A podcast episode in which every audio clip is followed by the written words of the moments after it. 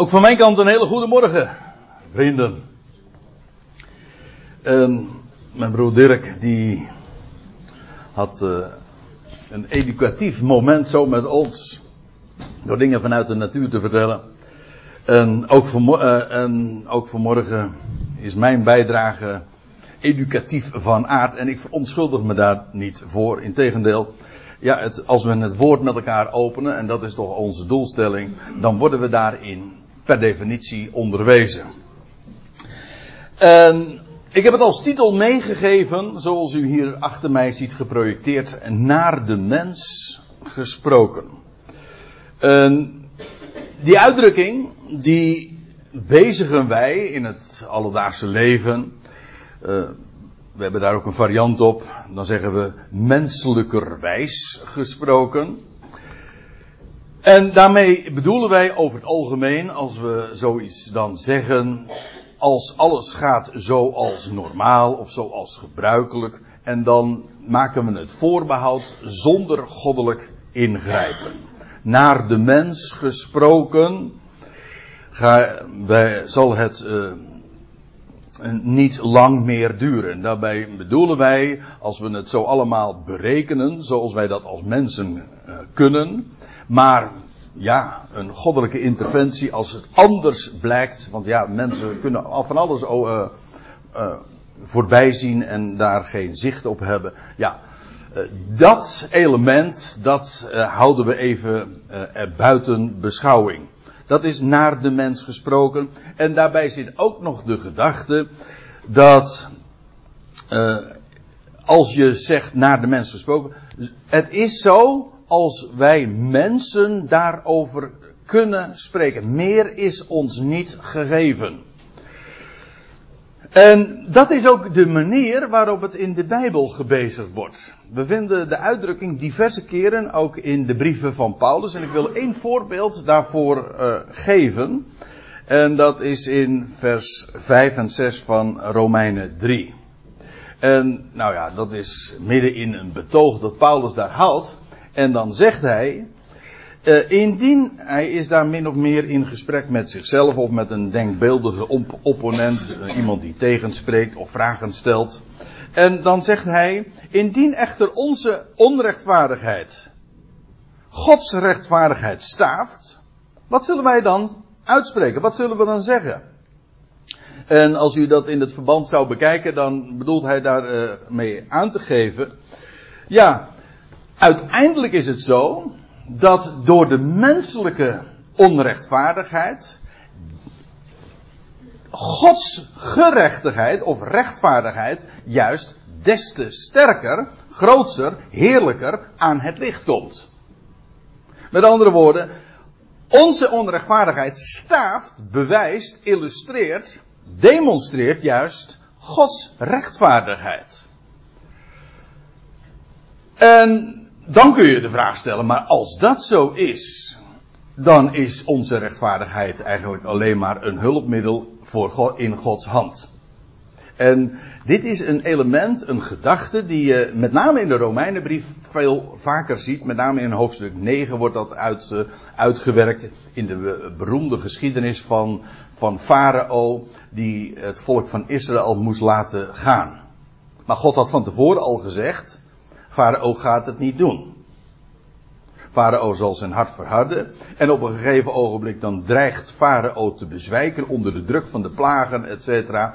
En dan lees je dat God zijn hart verhardt. En allemaal was het opdat God zijn kracht, dat lees je dan ook in dat hoofdstuk, God wilde juist zijn kracht demonstreren en daarvoor had hij een tegenstander nodig. En daarom verhardde hij het hart van Farao om te laten blijken dat zo'n grote machthebber en zo'n wereldmacht als Egypte, dat, was, dat is ten opzichte van zijn macht uh, uh, volstrekt uh, irrelevant. Dat wil zeggen ondermaats. Hij overtreft dat. En juist om je kracht te demonstreren heb je een tegenstander nodig die, die sterk is. Nou, met andere woorden, die onrechtvaardigheid van de mens, die staaft, bewijst, illustreert, dient feitelijk ook Gods rechtvaardigheid. Maar dan zou je de vraag kunnen stellen, maar uh, wat zouden we dan zeggen? Toch niet dat God boosheid opbrengt, oh, die boosheid opbrengt onrechtvaardig is. Want dan zou je kunnen zeggen, maar als dat zo is, wat heeft God daar nog aan te merken? Dat is trouwens ook Romeinen 9. Want dat dient dan toch alleen maar zijn doel. Dan is, als God daar boos op wordt, dan is dat toch onrechtvaardig. En dan zegt Paulus, ik spreek naar de mens. En hij geeft meteen ook het antwoord, want God is helemaal niet onrechtvaardig. Maar God vormt juist, en dat is het beeld trouwens ook in Romeinen 9 van de pottenbakker, hij vormt het klei. Wij zijn allemaal klei in de hand van de, uit de klei getrokken. Wij zijn gewoon kleipoppetjes die, nou ja, u zegt dat is uh, ook niet aardig dat je dat zo zegt, maar dat is bijbels taalgebruik. We zijn gewoon werk van zijn handen. Hij creëert ons en hij vormt ons ook door zijn kritiek.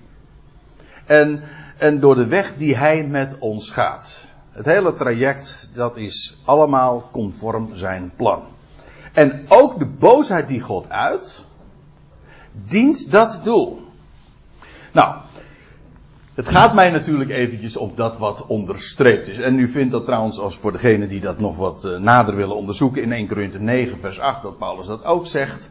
En dan staat er letterlijk, ik spreek naar de mens. Hij zegt het ook een keertje precies het tegendeel. Dan zegt hij dat de boodschap, het evangelie, het goede bericht dat hij predikt, dat is niet naar de mens. Hij zegt, ik heb het ook niet van de mens ontvangen en ook niet door de mens, van een mens geleerd. Dan is het uitdrukkelijk niet naar de mens. Maar hij spreekt soms ook naar de mens. Ja, uh, meer is ons niet gegeven. In het algemeen is het zo dat degenen die deze samenkomsten bezoeken, die weten dat dat uh, de benadering is. Ja, uh, wij doen de Bijbel open, precies zoals uh, broer Dirk dat ook zei. We komen samen ja, om, om te luisteren naar wat God te, te melden heeft. En ja, hij heeft een geweldige bibliotheek samen laten stellen of samengesteld. en daar gaat een geweldig licht vanuit. En dat licht is leven. Maar je ziet dat in de natuur gedemonstreerd, logischerwijs. Want ja, die natuur is ook niks anders dan voortgebracht door zijn woord. God sprak en het was er. En dat betekent dat dit de schriftelijke neerslag is van dat wat we om ons heen zien in de natuur, in de schepping gedemonstreerd. De vraag is eventjes, hoe, hoe lezen we dan die schrift? Nou, dat hoeft niet zo moeilijk te zijn. De schrift laat namelijk zichzelf uitleggen. Er staat in 1 eh, Petrus of 2 Petrus 1 dat geen profetie van de schrift heeft een eigen uitleg. Dat wil zeggen, als je wilt weten wat een bepaalde tekst betekent, ja, dan moet je bij weer andere profetieën, bij andere schriften zijn. De ene schrift legt de andere uit. En zo krijg je dus een, een geheel dat, dat al die schriften, al die boeken die in de loop van duizenden jaren zo bij elkaar, uh, nou niet gebracht zijn, maar in de loop van de duizenden jaren tot stand gekomen zijn en een eenheid vormen. Het ene legt het andere uit. Geen profetie heeft een eigen uitleg, maar de schrift legt zichzelf uit. En feitelijk is het zo dat we dan de schrift ook inderdaad letterlijk nemen. De schrift bedoelt wat ze zegt de profetie van de schrift, als we het even puur beperken tot de profetie, dan blijkt ook dat dat letterlijk is. Als God zegt, dit gaat gebeuren, na 400 jaren, ik noem maar wat, dus een profetie die aan Abraham werd gegeven, dan was het zelfs op het jaar nauwkeurig. Wat zeg ik? Op de dag nauwkeurig, 400 jaar. En alle profetieën, de vele profetieën die gegeven zijn over de Messias die zou komen, waar hij zou komen, uit welke, uit welke geslachtslijn hij zou komen, waar hij geboren zou worden, zelfs wanneer de tijd zou zijn. Het is allemaal letterlijk vervuld. Zo legitimeert God ook zijn woord. Zo bewijst hij zichzelf. Want alleen God is bij machten de toekomst te overzien. Geen mens kan dat. Vandaar ook dat wij, als wij plannen, dan zeggen we altijd naar de mens gesproken. Hè? Zo de Heere wil. Hè?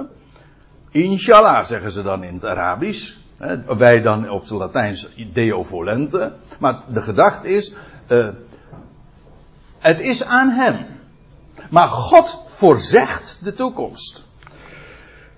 Maar, en nou kom ik op een, belangrijk punt. En dat is waar het vanmorgen met name dan over gaat. We nemen de schrift letterlijk, maar. Uh, met in achtneming van stijlfiguren. Dat moet ik gaan toelichten. Want die term stijlfiguren vind je zo niet in de Bijbel. Maar ik zal u uh, wat uh, even in het algemeen daarover zeggen. Kijk, uh, als je eventjes.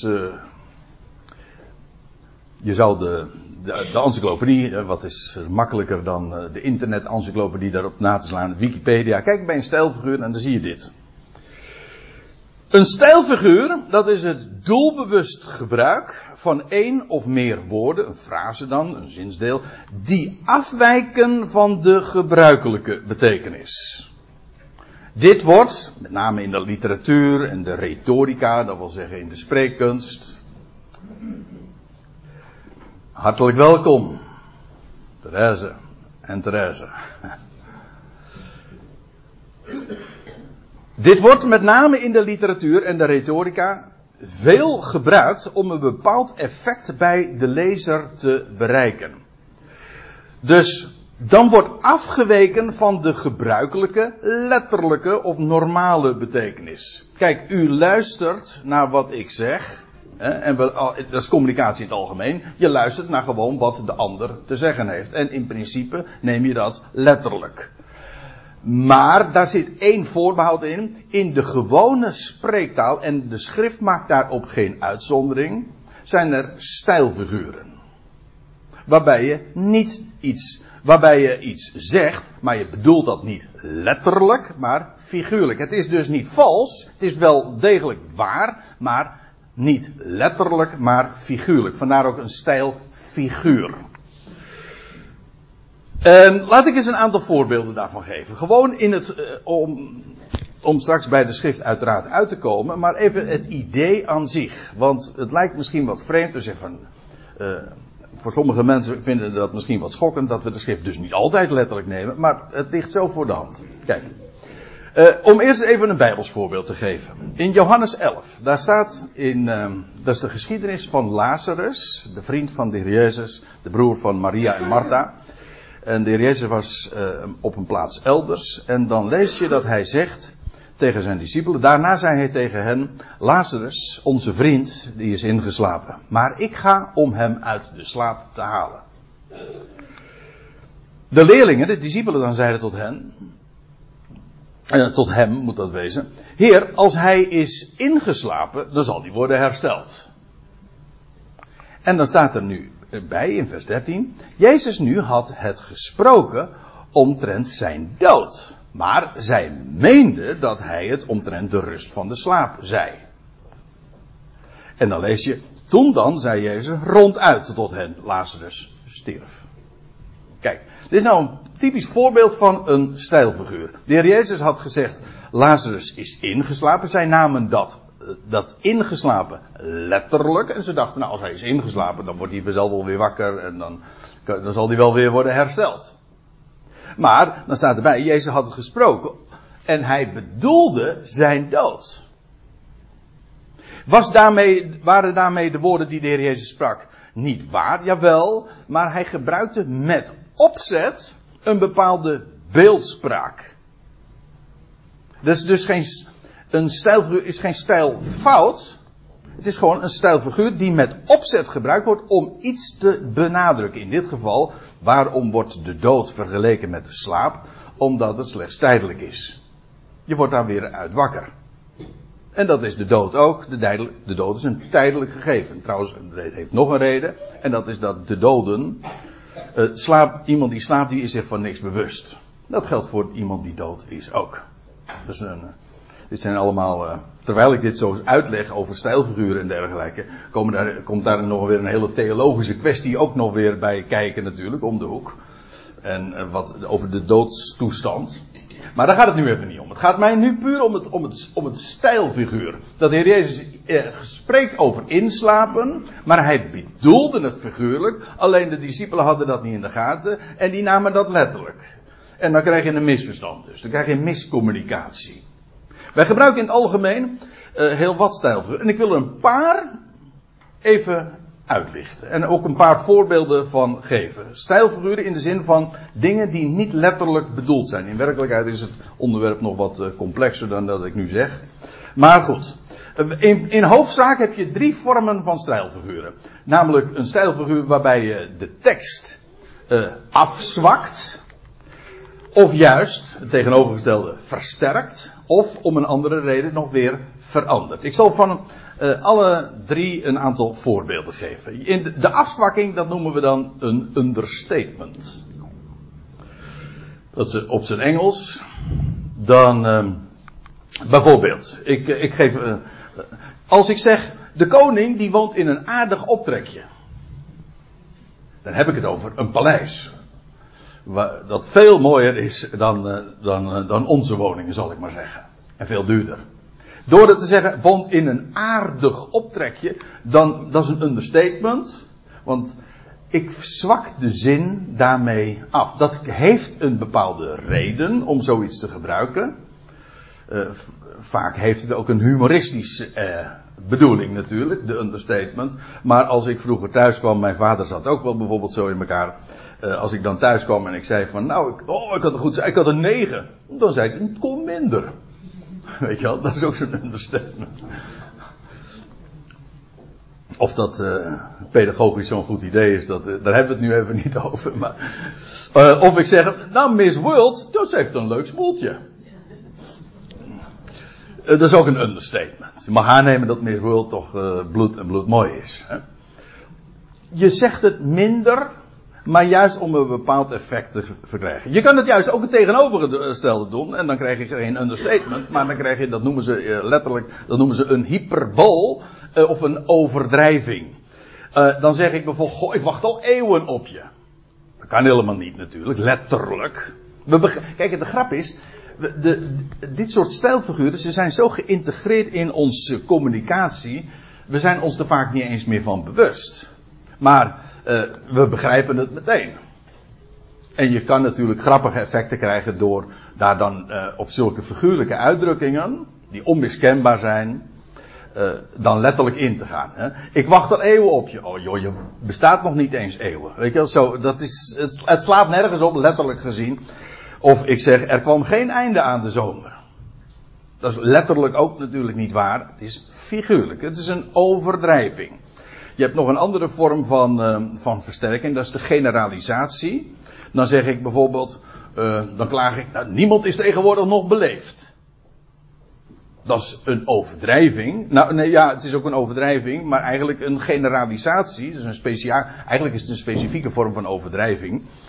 Uh, want het is, ik bedoel niet niemand in de letterlijke zin, maar eigenlijk bijna niemand. Maar door het zo te benadrukken, generaliseer ik het. En dat is in het algemeen vaak niet eens een fout, maar een, een bepaald accent dat je legt. Of ik zeg, brood is overal te koop. Ja, natuurlijk, dat is waar. Maar als je er letterlijk op ingaat, dan kun je daar natuurlijk echt wel wat op afdingen natuurlijk. Uh, je kunt ook nog een andere, de tekst, de, bedoel je het niet letterlijk, maar dan geef je er juist een andere betekenis, een veranderde betekenis. Niet per se af een verzwakking of een versterking, maar maak je de tekst anders. En één zo'n stijlvorm is de ironie. Lijkt heel vaak op de understatement, maar het is net nog weer wat anders. Bijvoorbeeld, kort en bondig legde hij het in vier uur uit. Of de spreker, nou ja, ja, hoe zal ik dat nu zeggen? Uh, thuis uh, zeggen ze dat dan ook ironisch. Nou, u was weer kort en bondig. Dan bedoelen ze uh, wat, dikke uren gesproken, weet je wel. Dat is ironie. In wat je bij, in ironie doet, dan zeg je het tegenovergestelde van wat je bedoelt. Je zegt, het was kort en bondig, maar je bedoelt, het was verschrikkelijk langdradig. Dat is ironie. Of de populist, die drukte zich weer zeer genuanceerd uit. Je bedoelt, hij bedoelde zich, hij drukte zich juist ongenuanceerd uit. Maar je zegt, door het, op, door het op deze manier te doen, feitelijk zou je ook kunnen zeggen, het is een understatement, het is ook een overdrijving. Het grijpt allemaal in elkaar, maar dat is de ironie. Dat is natuurlijk iets wat we uh, ook een heel vaak een, een heel sterk humoristisch effect heeft. Dan hebben we nog iets. De beeldspraak. Soms leid je dat ook echt in. Dan zeg ik van. Uh, de bokser, hij is als een boom van een vent. Als ik, op het moment dat ik zeg als of zoals, dan maak ik duidelijk, expliciet, dat, dat ik een vergelijking maak. Maar vaak doen we dat in de taal helemaal niet. Dan zeg ik, de bokser is een boom van een vent. Is een boom van een vent. Nou, uh, het is duidelijk, dat is, is hier geen wiskundig is gelijkteken. Want hij is geen boom van een vent. Dat is figuurlijk. Dat begrijpen we allemaal. Uh, of Henk is een ongeleid projectiel. Nou ja, allemaal wat te noemen.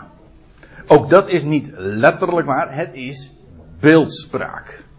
En ook dat, ik geef nu even uh, de voorbeelden die je hieronder ziet geprojecteerd, die, uh, die komen gewoon uit het alledaagse leven.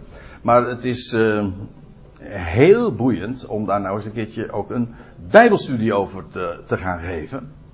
En allerlei voorbeelden uit de schrift daarvan te geven. Als de Heer Jezus zegt, in de nacht voordat hij, ja, nacht voor, voor zijn sterven, dat hij zegt, terwijl hij aan de maaltijd is, neemt, eet, dit is mijn lichaam. Dan zou je kunnen zeggen, dat is een theologische uitspraak. Dat hebben de Rooms-Katholieken uh, ook gedacht. En die hebben daar een hele leer, de transmutatieleer. Ja, dat wil zeggen dat de, het brood uh, getransmuteerd werd, veranderd werd in het lichaam. Maar het is gewoon beeldspraak. Net zo goed als dat ik een fotootje laat zien, dan zeg je van kijk, dit is mijn vrouw. Dat is beeldspraak, want mijn vrouw zit daar. Dat is, dat is letterlijk waar. Figuur, als ik zeg dit is mijn vrouw, dat is figuur. Zij, dit is een beeld. Letterlijk dus beeld, letterlijk beeldspraak. Leuk hè. Uh, het, dus beeld, het is een beeld van. Dat is trouwens ook, uh, dat zou je ook een hele theologie, want, uh, nou ja, dan zou je bijvoorbeeld de vraag, is de Heer Jezus Christus God? Ik kan een heleboel schriftplaatsen geven waar, ik, waar je duidelijk ziet dat de Heer Jezus God is. Ik kan ook het tegenovergestelde, de Heer Jezus is geen God, hij is de Zoon van God. En nou kun je gaan vragen, wat is nou waar? Uh, spreekt de Bijbel zichzelf daarin tegen? Nee, helemaal niet. Maar het is gewoon een vorm van beeldspraak. In dit geval weet ik dat ook heel zeker, want de Heer Jezus, van de Heer Jezus lezen we op diverse plaatsen dat Hij het beeld van God is. Dus het wordt zelfs eigenlijk, we worden al gewaarschuwd om het zo op te vatten. Het is beeldspraak. Hij is God, dat is waar, maar het is beeldspraak, niet letterlijk. Hij is de zoon van God. Ik, wat ik nu zo even zeg, dit is gewoon eigenlijk min of meer taalkunde. Maar heeft dus eigenlijk niks met theologie te maken. Maar het is wel ontzettend belangrijk voor het verstaan van de schrift. Ik hoop dat ik dat zo, uh, zo met een paar van dat, dit soort uh, illustraties, zijpaadjes, ook, dat is trouwens ook beeldspraak, zijpaadjes. Uh, je zou ze aan moeten aanturven, deze toespraak, hoe vaak ik beeldspraak gebruik, zonder dat ik toelicht, maar dat ik ervan uitga, iedereen begrijpt dat dat beeldspraak is. Um, dan heb je ook nog een, een vorm van personificatie. Gebruiken we ook heel vaak. Dan zeggen bijvoorbeeld, dan zeg ik, de schrijver heeft een vaardige pen. Dan maak ik die pen tot een persoon. En dan zeg ik van nou, die pen die is vaardig. In werkelijkheid is die pen helemaal niet vaardig. Die pen die doet gewoon precies wat hij schrijven wil. Maar ik maak die pen, personificeer ik. Ik maak het tot iemand. Uh, we gebruiken dat heel vaak. Dan hebben we het, de bodem smacht momenteel om, om regen. Alsof de bodem iemand is die dorst heeft. Nee, we vergelijken, we, als, als een persoon dus. En dat is een personificatie. Ook dat zie je in de Bijbel trouwens heel vaak. Vrouwenwijsheid, in Romeinen of uh, Spreuken 8. We spreken in het, uh, over moedertje natuur. Heeft dat allemaal goed geregeld. En vadertje staat, hè, die zorgt voor ons. Nou ja, dat soort dingen. Dan maken we de staat tot iemand die voor ons zorgt. In werkelijkheid is het helemaal geen persoon. Maar zo spreken we erover om iets te benadrukken. Nou ja, het heeft een bepaalde doelstelling. Daar gaat het nu dan eigenlijk ook niet over. Maar het is allemaal, het zijn stijlfiguren. En dan heb je ook nog een stijlfiguur die ik wil als laatste nog even noemen. Dat noemen ze de paradox. En dat is een schijnbare tegenstrijdigheid. Innerlijke tegenstrijdigheid. Uh, ik, dan zeg je bijvoorbeeld, hij doet niets en toch alles. Dat kan natuurlijk. Beide, beide delen kunnen niet letterlijk waar zijn. De een is letterlijk, of de andere, nou in dit geval gaat het zelfs dat niet op, maar in ieder geval in de absolute zin kan dit niet letterlijk waar zijn. En dus is het dus een stijlfiguur, of ik weet één ding en dat is dat ik niks weet. Dat is ook innerlijk tegenstrijdig. Dat is, uh, nou ja, het is een paradox, dus ja. Uh, en dat soort uh, beelden, en als je daar eens in zou willen verdiepen, en ik wil uh, daar graag nog eens een keertje in de toekomst wat meer over vertellen, maar er is een, een standaardwerk die daar heel uitgebreid op ingaat van een, een bijbelgeleerde uit de vorige eeuw, nee, uit de eeuw daarvoor eigenlijk moet ik zeggen, Bullinger, een geweldige leraar, maar die met enorm veel eerbied voor de schrift, ook aan de hand van de Bijbel, uh, meer dan 200 stijlfiguren zeg maar behandeld. Want je, je hebt allerlei weer onderscheidingen die je daarin ook weer kunt maken. Figures of speech used in the Bible. Dat is een groot werk. En die geeft dan allerlei illustraties hoe de Bijbel ook stijlfiguren gebruikt.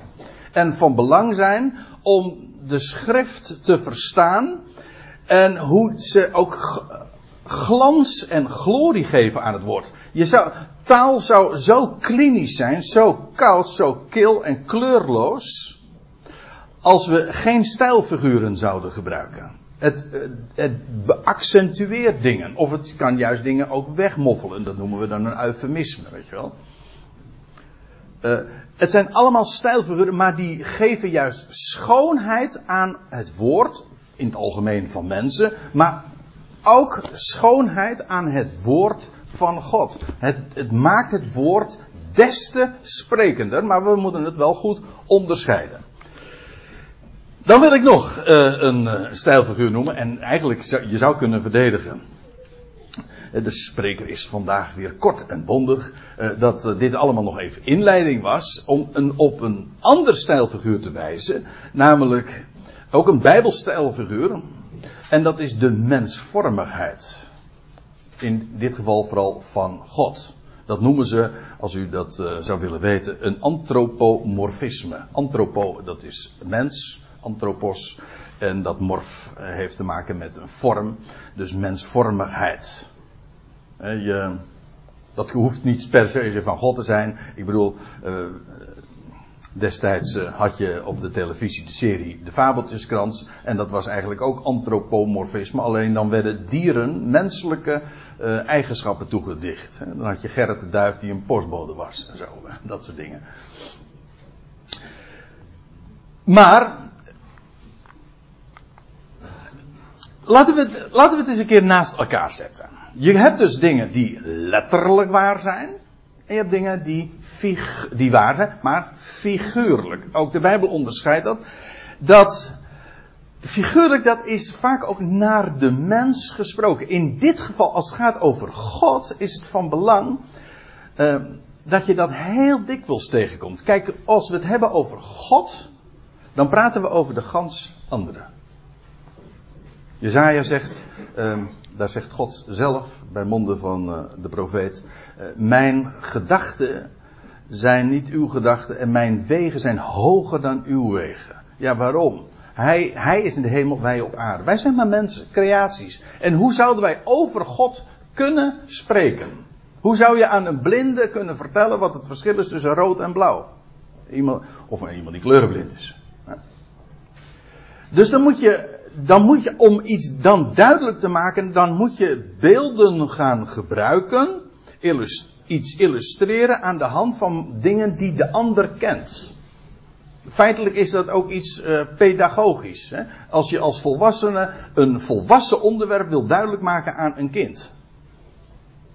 Dan moet je er op, op ook weer figuurlijk gesproken, even op je hurken. En dan moet je, je in je taalgebruik en je woordenkeuze moet je je gaan aanpassen aan het kind. En daarmee versimpel je de dingen, maar maak je juist dat kind wel duidelijk. Als je het namelijk eh, niet zou doen, zou dit kind er volstrekt niets van begrijpen. En dus is dat men, eh, ook als de Bijbel mensvormig over God spreekt, dan maakt dat dingen duidelijk voor ons. Want ja, wie is God? Hoe kunnen wij daar uh, aan denken zonder mensvormige gedachten en linken? Vandaar dat figuurlijk uh, spraakgebruik, dat is naar de mens gesproken. En, maar ik zal ook nu in het vervolg laten zien hoe aan de ene kant we uitspraken vinden die figuurlijk zijn, naar de mens gesproken, tegenover uitspraken die letterlijk waar zijn en die niet naar de mens gesproken zijn. Oftewel, woorden die relatief waar zijn, dat wil zeggen in een bepaalde relatie, in de betrekkelijk, dat wil zeggen in een bepaalde betrekking, zij gaan ze op, maar niet in de absolute zin. Nou, we gaan dat eens tegenover elkaar zetten. En vanuit de schrift laten zien hoe de Bijbel en soms letterlijk en figuurlijk spreekt, maar hoe ook, ook hoe belangrijk het is om te weten wanneer ze figuurlijk en wanneer ze letterlijk spreekt. Ik bedoel, om even terug te komen op die geschiedenis van de discipelen die daar uh, op weg naar Lazarus gingen. Die, ja, die hadden echt een misverstand. Totdat de Heer Jezus trouwens letterlijk, ronduit, letterlijk ging spreken en zei van nee, Lazarus is gestorven. Oké, toen was het hen duidelijk. Pas. Dus de beeldspraak was hen ontgaan. Nou, ik laat ik eens een, een, voorbeeld geven van uh, mensvormig, antropomorf spreken van God. God heeft. Ga maar na. Ik, ik heb er uh, in deze lijst niet eens teksten bij genoemd, omdat ze gewoon, ja, je zou een hele serie. En ik, vind, ik vond het niet eens nodig om dat te illustreren. Omdat we ze allemaal eh, met gemak ook kunnen opzoeken en vinden. Alleen wat we nu vanmorgen doen is. We, we staan is bij, bij iets stil. Waar we gewoonlijk volstrekt aan voorbij gaan. God heeft ogen. De ogen des Heren gaan over de ganse aarde, staat er. Hij heeft oren. Neig uw oor, o Heer. Om maar eens wat te noemen. Je leest over de neus van God. Ik moet erbij zeggen, dan gaat het vooral over de functies daarvan. God eh, heeft, heeft God ogen. Ja, in beeldspraak wel. Ik kom er straks natuurlijk op terug dat het niet letterlijk zo is. Maar het gaat er vooral om, hij ziet. En aangezien wij slechts kunnen zien met ogen, zeggen we, en doet de Bijbel dat ook, spreekt de Bijbel over het oog, de ogen van God. Omdat wij ons niet kunnen voorstellen dat je kunnen, zou kunnen zien zonder ogen. En dat geldt voor het horen ook en voor ruiken ook. En je leest in verband met de offerdienst dat het was eh, een welriekende reuk voor God. Uh, je leest over de armen van God, over, vooral over zijn rechterarm. Of de arm des Heren is niet te kort. Dus, dus dat lijkt me toch duidelijk beeldspraak. Hè? De arm des Heren is niet, of de arm van Yahweh is niet te kort. Dat wil zeggen, hij is, onze armen zijn vaak te kort. Hè? We kunnen er niet bij. We zouden iets willen uh, veranderen, maar dan zeggen wij ook, ons, mijn arm is te kort. Ik kan er niet bij. Ik kan het niet over beschikken. Maar Gods arm niet. Uh, de Bijbel spreekt over de handen van God. Vooral over zijn rechterhand. Ook over trouwens over de, de vingers van God. De vinger die uh, bijvoorbeeld de stenen tafelen beschreef. Of de vinger die schreef daar in dat huis, in dat paleisje, in dat optrekje, weet u wel, van uh. Je leest zelfs over de, in, over de ingewanden van God. Mijn, uh, in, we zijn momenteel bezig in uh, Katwijk met uh, Lucas 1, de bespreking van Lucas 1. En daar lezen we, we zijn nog niet zo ver gekomen, maar daar lees je over, over de, de, inner, de ingewanden van God. En wordt zelfs ook over gesproken dat zijn mijn ingewanden, staat er dan ergens in de profeten, rommelen. Dat wil zeggen, en dat, dat duidt dan aan hoe God uh, ja, geëmotioneerd is. Is dat ook mensvormig? Mijn ingewanden rommelen. Zo, want zo gebruiken wij dat. Als wij heftig geëmotioneerd zijn, dan voel je dat tot diep in je lijf. En dan met name de ingewanden werkt dat sterk. Nou, dat soort spreken kent de schrift ook over God. De Bijbel spreekt zelfs, en het lijkt in oneerbiedig wat ik nu zeg, maar over zijn achterste. Je leest van Mozes dat hij God bij zijn, zijn achterste zag. Hij, God, hij, hij zou God zien, maar had, had God gezegd, dan zou, hij werd in de bergrots of in de rots geplaatst, in de rotskloof. En hij zou God zien, voorbijgaand, en slechts van zijn achterste delen, of zijn achterste. Gewoon van achteren dus. Hij kon, hij kon de weg van God niet uh, slechts zien van achteren, achteraf gezien. Dat is trouwens met ons ook zo, als ik het meteen eventjes mag uitleggen. In feite is het zo dat wij God kunnen begrijpen, ja, vaak achteraf pas. Als hij voorbij gegaan is. Dan zien we hem wel, alleen achteraf pas. Dat, een heleboel dingen gaan we ook pas verstaan achteraf. Als je dat trouwens van tevoren al weet, dan heb je daar al heel veel voorpret van. Dat is waar. Dus even, helemaal uh, terzijde hoor. Maar er zijn mensen die zeggen van nou ja. Uh, over, uh, over, over, over, over vijf jaar, die maken iets mee en zeggen over vijf jaar lach ik erom. En dan denk ik, waarom zou je erop wachten? Als je dat nu al weet. waar, is dat goed voor? Nou ja, ik weet wel, een mens moet door een bepaald proces en dat heeft fasen nodig. Maar het helpt wel enorm als je weet van naar achteraf zal ik het allemaal heel anders gaan bekijken. Kijk, dat is in feite ook wat onze hoop is. Wij, ja, je kan zeggen van ja, wat heb je nou een hoop? Want het ligt allemaal nog in de toekomst. Je zit nu toch maar in de shit. En hoe, hoe duiden we dat dan allemaal netjes aan? Ja, maar juist hoop doet leven. Want dan verplaats je je nu al wat je straks zult hebben. En, dat, en dat je dan, dan verkneuter je je eigenlijk nu al op wat je, dat je straks achterom kan kijken ah, zo was het. Ja. Hoop doet zoveel voor een mens, eh, zonder dat kun je zelfs niet eens leven. Hoop doet leven. Zonder hoop kun je niet eens leven. Geen seconde zelfs. Nou, ik zou nog even door kunnen gaan hoor. Daarom zet ik ook hier maar et cetera. Maar het gaat erom, uh, er zijn vele teksten. Maar ik zal u zeggen, al deze teksten over deze lichaamsdelen van God is figuurlijk. Want in de letterlijke zin lezen wij in de schrift God is geest. En ook de onzienlijke. Er staat in Johannes 4, vers 14: God is geest.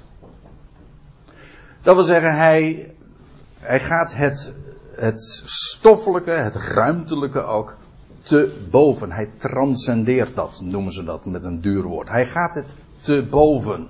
En als we het over God hebben, en ook als de Bijbel, als God zichzelf duidelijk maakt, dat doet hij in feite als hij met de mens spreekt ook pedagogisch. Om het voor de mens duidelijk te maken. En dan spreekt hij in, om het voor de mens te doen begrijpen, spreekt hij over lichaamsdelen. Niet omdat het letterlijk waar is. God ziet, hij hoort, jazeker. Maar dat wil niet zeggen dat hij letterlijk ogen heeft en letterlijk oren heeft. God is geest. En staat er in Johannes 4, vers 14, dat zegt de Heer Jezus tegen de Samaritaanse vrouw. En wie hem daarom ook zouden aanbidden, zouden aanbidden in geest. Op een geestelijke wijze. En dat wil zeggen, dan gaat het helemaal niet om de rituelen en de vormen.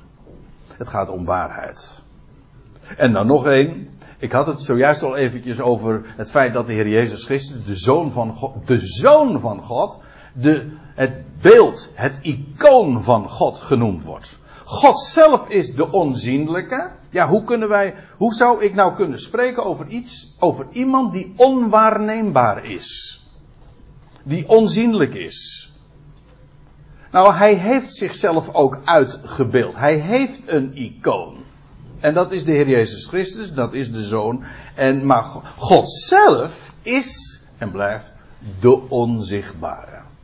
Niemand, staat er in Johannes 1, vers 18, heeft ooit God gezien. Ja, de enige geboren die aan de boezem nu van de Vader is, die heeft hem doen kennen. Die, demonstreert hem. Die maakt hem zichtbaar. Maar God zelf is de onzichtbare. Kijk, zie, voel je ook nu de, het verschil? Het ene is letterlijk. God is de onzienlijke. Er is geen woord Frans bij, dat is gewoon volstrekt helder. God is de onzichtbare. Dat is een bijbelse waarheid die trouwens ook dikwijls benadrukt wordt. Die moet je niet wegstrepen door te zeggen van ja, maar God heeft toch ook ogen en oren en handen en armen, et cetera. Ja, met dat is figuurlijk. De, in de schrift wist men dat. Men wist wat. Het is van belang om te begrijpen dat God inderdaad geest is, de onzienlijke. Nog één, 1 Timotheus 1, vers 17. Over, dan, want dan hebben we het over God is God. 1 Timotheus 1, vers 17, daar staat dit. De koning nu van de Ionen, van de wereldtijdperken. De onvergankelijke. Dat, dat wil zeggen, hij maakt geen deel uit van deze schepping, waar alles vergaat. Vandaar ook die seizoenen natuurlijk. De onvergankelijke, maar ook de onzienlijke. De enige God. Daarom is de Heer Jezus Christus in de letterlijke zin ook geen God. Hij is de zoon van God en wel het beeld van God. Maar hij is de onzienlijke, de enige God. En hem zij de eer en de heerlijkheid tot in de ionen van de ionen. Amen, zegt Paulus. Kijk, dit is letterlijk, dit is in de absolute zin waar. Ik zal nog een voorbeeld geven. Ik geef over wat figuurlijk en naar de mens gesproken relatief gezien waar is. De Bijbel spreekt over, met name in de psalmen vind je dat, en je merkt meteen al, vooral in de dichterlijke, poëtische boeken vind je dat soort beeldspraak. Ik uh, wees er al op, dat juist poëzie, die maakt heel veel gebruik van beeldspraak. En dan, zeg je, dan wordt er gesproken over God slaapt en ontwaakt. Eén tekst, Psalm 44. Dan, wordt er, dan zegt de psalmist, waak op! Waarom slaapt u, Jaweh? Ontwaak! Juist gisteravond heb ik nog een liedje zitten luisteren. Een prachtig nummer, kan hem aanbevelen. Van Margriet Eshuis. En, en, dat is uh, God is Asleep. Uh, moet maar eens op YouTube uh, bekijken. Waarin zij ingaat op de situatie in de wereld. En dan noemt ze allerlei. Ja, geeft voorbeelden. En dan zegt ze: Ja, hoe kan dat? Is God, slaapt God dan? En het idee daarbij is, hij grijpt niet in. Nietzsche, eh, die bekende filosoof, van voor onze tijd hoor, dat moet ik erbij zeggen. Maar Friedrich Nietzsche, dat was een man die gebruikte dan weer een iets andere beeldspraak. Die, die zei: God is dood. Nou, voor zover hij al leefde, hij is nu dood. En daarmee bedoelde hij: er, wordt, er is helemaal geen sprake van ingrijpen. En dat is een bijbelse gedachte. Maar het is, lijkt mij toch duidelijk, het is beeldspraak. God slaapt. Hij grijpt niet in in het wereldgebeuren. Dat wordt hem hoogst kwalijk genomen natuurlijk. En vandaar ook. Maar er komt een moment dat hij zal ontwaken. En ook zal opstaan. Leuke beeldspraak, hè? Hij dan ontwaakt hij en dan sta op, o heren. En grijp in. En dat gaat hij dan ook doen. Maar ik kan u aan de andere kant zeggen, en natuurlijk kun je dat, als je niks van de Bijbel begrijpt, en ook niet wil begrijpen, want dit is, ik durf te zeggen, degene die hierover struikelen, beeldspraak, die, uh, daar, die beticht ik van onwil. Omdat we namelijk in het gewone spraakgebruik namelijk dit uh, direct ook herkennen. De goede, dan zeggen we, de goede verstaander. Die heeft zelfs maar een half woord nodig. Dat is ook een stijlfiguur trouwens. Dan zeg ik, dan zeg ik, de goede verstaander. Puntje, puntje, puntje. Heb ik maar een half woord gezegd, hè? ja, maar u wordt geacht, u moet begrijpen dan uh, hoe het eindigt. Nou ja. Maar ik kan u, want de, aan de ene kant spreekt de Bijbel over God slaapt en, en hij wordt opgeroepen om te ontwaken en op te staan. Maar er staat in de schrift, God slaapt nooit. Nee, dan staat er in Psalm 121, vers 4, de bewaarder van Israël. Dat staat trouwens in, weet u hoe het in het Hebreeuws hier staat? De, het, het Hebreeuwse woord shomer. De shomer van Israël. Maar shomer, daar, dat kennen wij in het Nederlands ook nog, iets vervormd. Dat is via het Jiddisch in, het, uh, in onze taal gekomen en dan spreken we over de smeres. De smeres is eigenlijk een bewaarder. Vandaar een politie dus. Nou ja, de shomer van Israël sluimert nog slaapt. We zouden denken, dat is het idee. We zouden misschien denken dat hij slaapt, omdat hij niet ingrijpt. Maar wordt Israël verzekerd. De bewaarder sluimert nog slaap. Hij waakt. Hij grijpt niet in, dat is waar. En in Jezaja 40, daar lezen we. Uh, vorig jaar hebben we daar een hele serie over dat Bijbelhoofdstuk uh, hier, over, over dat gedeelte nagedacht. Uh, daar staat dit. Weet je het niet? Of hoor je het niet? Een Ionisch, een eeuwig God is Yahweh. Schepper van de einde der aarde. En dan staat er, hij, bezwaar, hij bezwijmt niet en wordt niet moe. Hij wordt, staat in de MBG-vertaling, hij wordt moede, nog mat. Ja. En zijn verstand is zonder pijl. Kijk, dit is, dit is nou typisch, dit is niet naar de mens gesproken. Naar de mens gesproken kun je zeggen van hij slaapt, maar dat is dan beeldspraak. dat is antropomorf, dat is mensvormig van God gesproken. Maar in de absolute zin is hij iemand die niet sluimert, niet slaapt, ook niet bezwijmt en ook niet moe wordt. En dus ook niet hoeft te slapen. Dat is God. En hij waakt. En hij heeft alles in de hand. En niets ontgaat hem. De ogen des Heren gaan. Uh, ja, mijn oog staat er in de psalmen. dat, uh, dat zegt God dan tegen de mens. Mijn oog is op u. Ja, je kunt ook zeggen, mijn oog, ons oog is op God, maar daar gaat het niet om. Mijn oog is op, ik kijk naar jou. Is dat beeldspraak? Ja, dat oog is natuurlijk beeldspraak, maar het gaat erom, hij ziet jou. Uh, je leest, ja, dit is een, uh, een, een kwestie. Heeft God berouw? Nou, dan kan ik weer, dan kun je weer twee kampen maken. Ja hoor, de Bijbel zegt het. God heeft berouw. Genesis 6 bijvoorbeeld. Daar staat, ik zal, dat is ter inleiding van de grote vloed in de dagen van Noach. Ik zal de mensen die ik geschapen heb van de aardbodem uitroeien. Want het berouwt mij dat ik hem gemaakt heb. Daar zit trouwens nog wel wat meer aan vast dat ik, dan dat ik nu vertel. En uh, omdat het woordje berouwen ook nog de gedachte heeft van troost. Maar dat laat ik eventjes nu helemaal rusten. Het gaat erom dat hij zegt, het berouwt mij. En je vindt het op uh, veel meer plaatsen. Ik verwijs hier ook naar Jeremia 42. Dat is, maar, ik, maar hoezo? Nou zegt God, nou moet je je even voorstellen. Nou nemen we deze tekst letterlijk. Maar hoe kan God nou zeggen dat het hem berouwt? Heeft God er dan spijt van? Wist, kijk, spijt veronderstelt dat je van tevoren dingen niet nog uh, gezien hebt en onderkend. En dan zeg je van, goh, ik heb er spijt van dat ik dat gedaan heb. En daarmee zeg je, eh, als ik geweten had dat dit me te wachten, had ik het niet gedaan.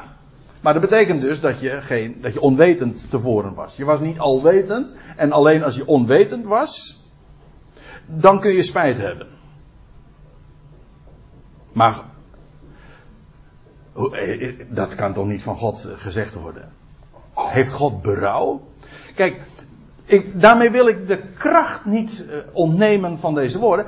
Het, God berouwde het, maar het is mensvormig gezegd.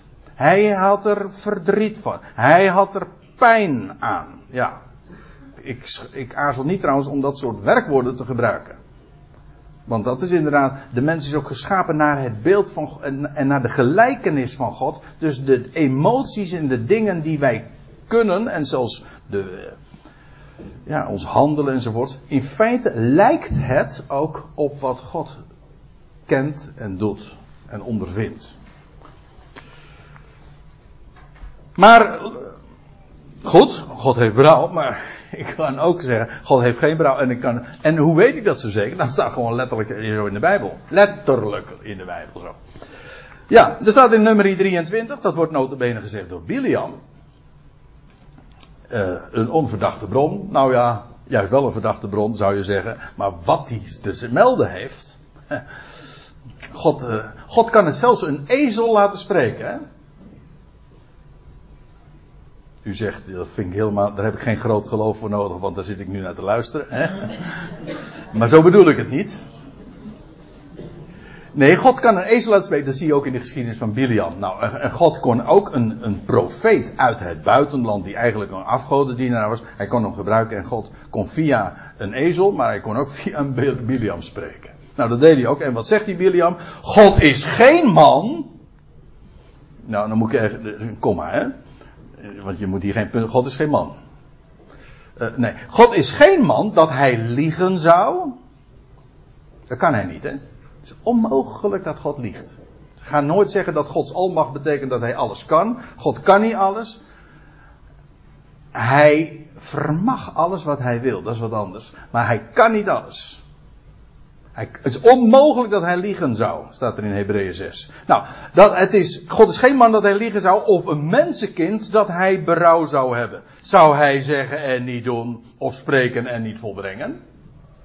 Kijk, duidelijke taal toch, hè? Een mensenkind die heeft berouw. Ja, die heeft spijt. Oh, als ik dat geweten had, ik het niet gedaan. God niet.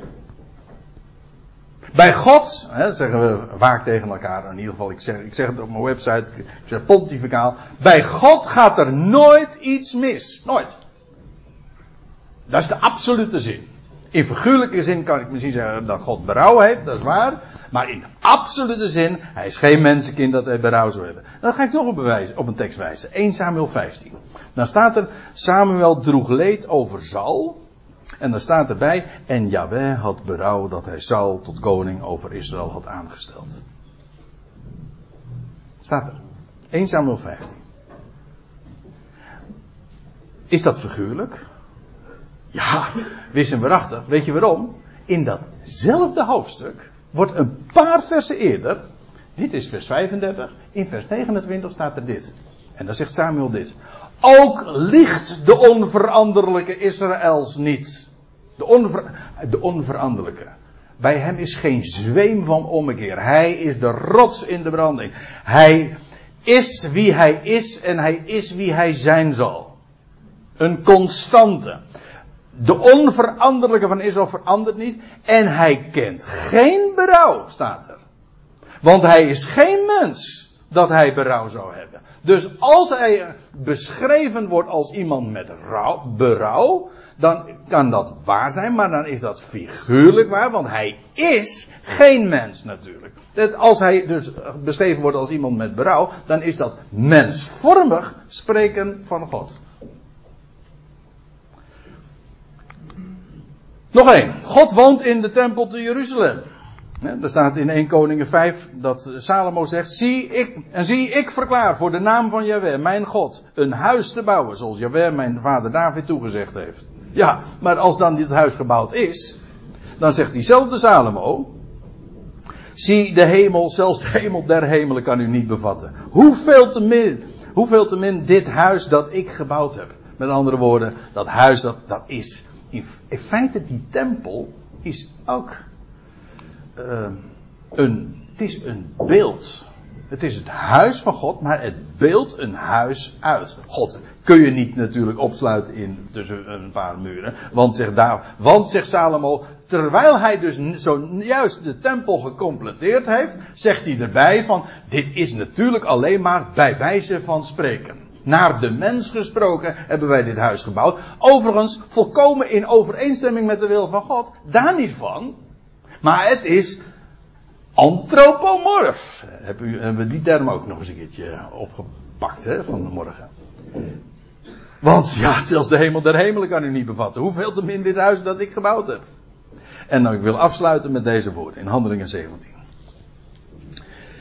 Daar uh, is Paulus op de Areopagus. En er staat daar tussen allemaal tempels. En, en nou ja, hij spreekt naar aanleiding van wat hij daar gezien had. Een, lege sokkel. En daar stond een, een lege sokkel. Er waren allemaal afgodsbeelden, maar er was een sokkel waar geen beeld op stond. En daar stond erbij uh, een inscriptie aan de onbekende God. Ja, en die kon je niet uitbeelden natuurlijk. Vandaar gewoon alleen een voetstuk. Dus de God die we, en dan zegt Paulus, zo'n prachtige insteek, de Paulus daar, eh, dan zegt hij niet van jullie met je afgoderij, weg ermee. Nee, hij zegt, die God die jullie niet kennen, die predik ik jullie. Nou, en dan, gaat hij, dan steekt hij van wal, ook beeldspraak trouwens. Uh, de God die de wereld maakte, en alles wat daarin is, Deze, die Heer van hemel en aarde is, die woont niet in met handen gemaakte tempels. Maar er was toch een tempel in Jeruzalem? Jawel, dat was ook zo, dat is ook zo. Maar dat is slechts relatief. Heel betrekkelijk. Het is waar. Maar in de absolute zin, ja, kan dat natuurlijk nooit. Hij woont niet in, handen, uh, in met handen gemaakte tempels. En staat er dan vervolgens. En hij wordt ook niet onder menselijke handen behandeld alsof hij iets behoevend is. Kijk, dit is nou, uh, dit geeft nou precies aan God mag dan soms zelf mensvormig spreken tot de mens, naar de, ja leuk hè, naar de mens toe, of naar de mens gesproken, spreekt hij over zichzelf, pedagogisch, hè, op zijn hurken, als mens. Maar we zouden goed, donders goed weten, in de absolute zin is hij de, de God van hemel en aarde, die niet in muurtjes te vangen is en die alles overtreft. En alles beschikt, bij wie nooit iets fout gaat. En die ook helemaal niks nodig heeft. En ook niet uh, behandeld moet worden. Er staat trouwens hier letterlijk het, in het Grieks een woord. Dat, uh, waar ons woordje therapie van afgeleid is. Hij hoeft niet behandeld te worden. En zoals die beelden wel iedere keer verzorging in ode hadden, die daar stonden in Athene. Die moesten iedere keer weer schoongemaakt worden, weet je veel en zo. Nou, zegt uh, Paulus, de God waar wij het over hebben, die God die jullie dus niet kennen wat jullie zelf toegeven. Uh, nou, die God, die heeft geen. Hij wordt ook niet onder menselijke handen behandeld alsof hij behoevend is. Hij heeft niks nodig. En dan staat erbij, dat is echt het laatste. Hij zelf geeft namelijk aan allen leven en adem en alles. Dat wil zeggen, hij heeft niks nodig. En zelfs als hij iets vraagt, dan kan dat alleen maar omdat hij het zelf eerst geeft. En als hij zegt, eh, trouwens dat is een woord later, als hij zegt, eh, God verkondigt, met voorbijzien van de tijden van de onwetenden, dat allen overal zich zouden bezinnen, dan is dat ook alleen maar mogelijk doordat God het hart van een mens opent, zodat hij inderdaad zich bezint. Dus de hele vraag van kan een mens zich bekeren? Ja, figuurlijk gezien, zeker natuurlijk. Dat is waar. Maar in de letterlijke zin is het zo dat God ogen opent aan harten opent. Eh, waarom? Ja, hij geeft aan allen, wie wij ook zijn, al die miljarden mensen die, die hebben leven. Ja, hoe komt dat? Nou, omdat hij dat geeft. En zij ademen omdat God het geeft. Totdat. En hij geeft, en eh, staat er, hij geeft aan alle leven en adem en alles. Het al. Noem maar eens iets op wat je niet gekregen hebt. Dat is trouwens ook de reden waarom we God danken. Ja, waarom zou je God danken? Heeft hij iets nodig of zo? Nee, hij heeft helemaal niks nodig. Maar dat is wat je doet als je iets krijgt, puur om niet. Dank u wel. En daarom danken we altijd. Voor alles. Dat is logisch hoor. Waarom? Hij, hij geeft het. Hij geeft leven, adem, toekomst, hoop, vrede. Nou, alles. Hij is de grote beschikker. En als we mensvormig over God spreken, en dat kunnen we rustig doen, want de schrift doet het ook. We zouden altijd ons realiseren, God is God, de absolute, die leven en adem en alles geeft. En daar wil deze spreker na een uur kort en bondig mee besluiten.